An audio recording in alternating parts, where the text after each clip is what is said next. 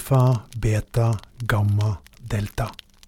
Alfa, beta, gamma, delta. Gutten så bort på den gamle mannen som gjorde seg klar til å lese. Hvordan kan disse rare tegnene, disse bokstavene, bli til en historie? Den gamle smilte lurt. Stol på meg, gutten min. Stol på meg.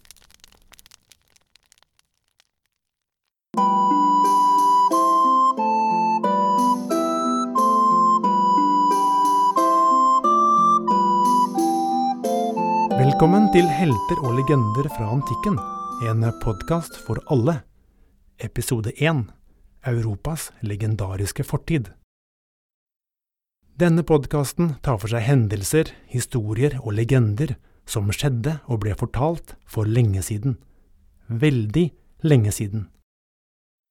Det er en podkast om helter så sagnomsuste at historiene om dem fortelles igjen og igjen over hele verden. Selv om noen av historiene er kjent for oss nordmenn, er det mange som ikke er det.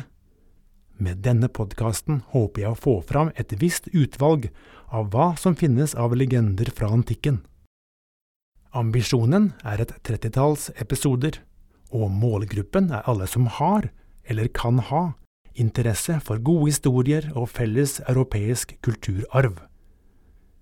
Noen av episodene tidlig i podkasten passer kanskje best for unge, mens andre forhåpentlig har bred appell. Jeg våger den påstand at det kan være nyttig å kjenne til legendene fra antikken, siden de dukker opp i mange sammenhenger, om det er kunst, film, gaming eller i språket vårt. Og med litt kunnskap om disse legendene har du med ett noe til felles med en rekke andre nasjonaliteter, om det er i Europa, Nord-Amerika eller andre steder når du røper at du kjenner bakgrunnen til begrepet Pandoras eske, eller hovedtrekkene i den fantastiske historien Odysseen, kan du få mange gode og interessante samtaler. Jeg garanterer.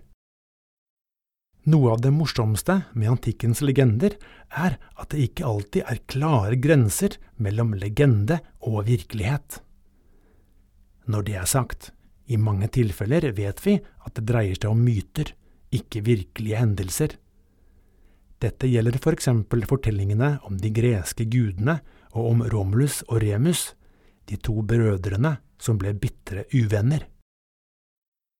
Men vi har også en del informasjon fra virkeligheten, fra folk som skrev ned det som hendte, enten samtidig som hendelsene fant sted, eller etterpå.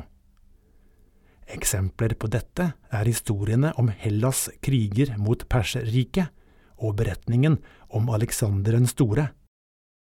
At det i disse har blitt flettet inn legendeelementer, er hevet over tvil, men det ligger også mye virkelighet i disse fortellingene. Vi har også brukbar oversikt over hvordan folk levde i det gamle Hellas, som eh, hva de spiste og hvordan de bodde. Og vi kjenner til mange av reglene og lovene som innbyggerne ble enige om. Noen av disse brukes faktisk i Norge i dag. Dette blir temaer for senere episoder i podkasten. I denne første episoden skal vi finne ut hvorfor vi vet såpass mye om noe som skjedde så langt tilbake i tid, og hva ordet antikken betyr. Tidsepoken vi tar for oss, startet for ca. 2800 år siden, det vil si 800 år før vår tidsregning, som startet i år null. Ofte bruker vi målestokken før Kristus når vi snakker om denne perioden. I år 800 før Kristus fantes det selvfølgelig ikke elektrisk strøm, biler, computere og smarttelefoner. Men eh, folk levde ikke i steinalderen heller. Mange folkeslag hadde for lengst lært å bruke metall, som bronse og jern og det fantes dyktige håndverkere som kunne lage redskaper for husbygging og jordbruk. I jordbruket gjorde jernplogen at man kunne dyrke jorda på bedre måte og produsere mer mat enn før. Dette førte mange steder til befolkningsøkning, det ble flere bondegårder og flere og større byer. I noen byer ble det reist imponerende bygninger, og det ble laget vakre kunstverk som statuer, malerier og smykker. Våpensmeder lærte seg kunsten å framstille krigsutstyr av metall, for eksempel sverd, spydspisser, rustninger og hjelmer. Etter hvert skal vi høre om de mange krigene som ble utkjempet på denne tida, og da var gode våpen helt nødvendig. Legendene som skal gjenfortelles, er i første rekke fra Hellas, noen er også fra Romerriket. Hellas finner du enkelt på et kart, mens Romerriket er det området som begynte i Roma, og etter hvert vokste til å omfatte alle områdene rundt Middelhavet, pluss en rekke andre regioner. Til og med det som vi i dag kaller England, var en del av Romerriket. Som folkeslag var grekerne og romerne ganske forskjellige.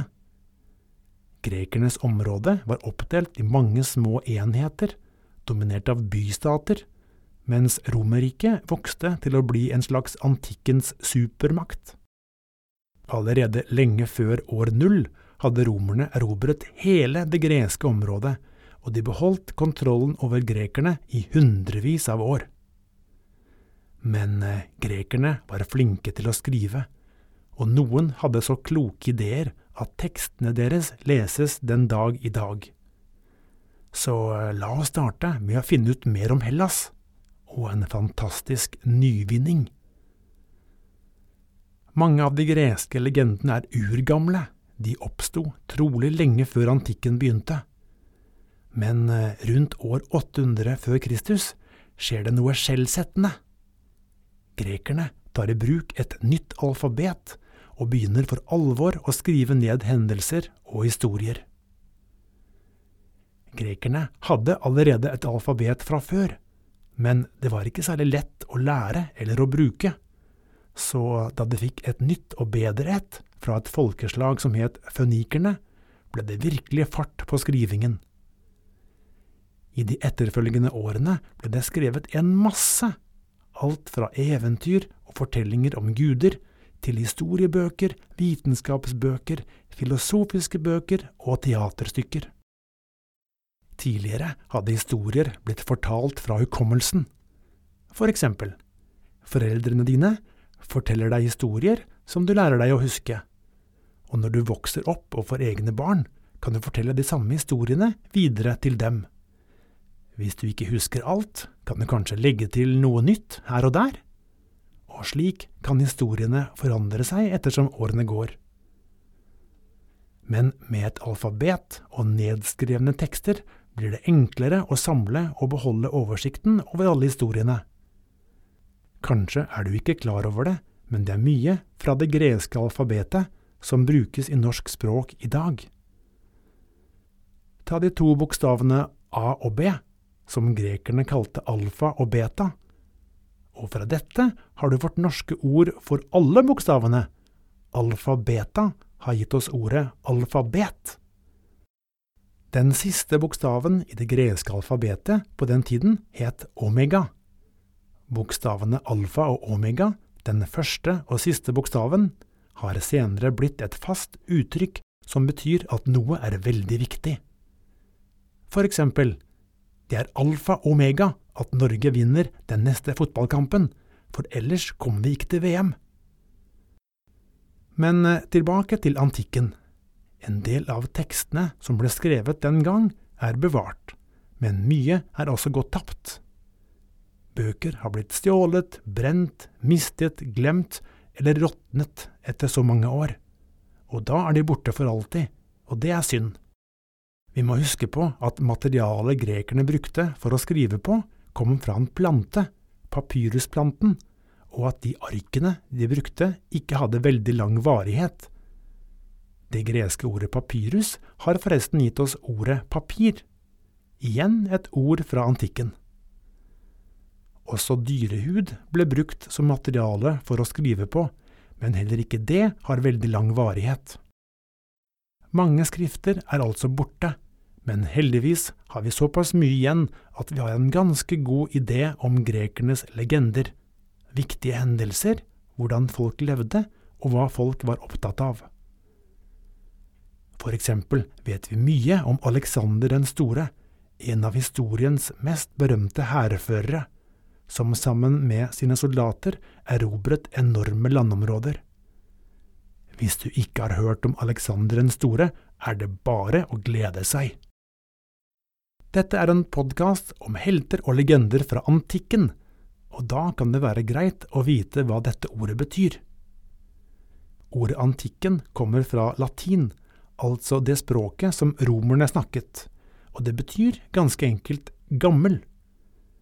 Du har kanskje hørt ordet antikviteter, som betyr gamle, fine ting som folk samler på eller pynter hjemmene sine med. Antikken og antikviteter har langt på vei samme betydning, det dreier seg om noe som er gammelt. Når vi snakker om hendelser langt tilbake i tid, bruker vi ofte egne ord for å dele inn i tidsperioder.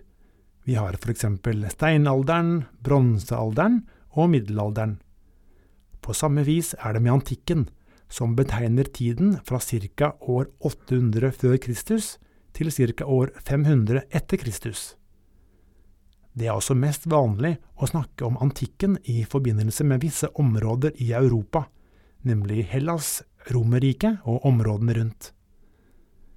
Det at denne epoken har fått et helt eget navn, viser at det skjedde så mye interessant gjennom disse årene at et eget navn ganske enkelt var nødvendig. Det var alt for denne gang. Mitt navn er Bjørnar Dahl Hotvedt, og i neste episode skal vi høre om halvguder, en superhelt, og hvorfor Europa kalles Europa.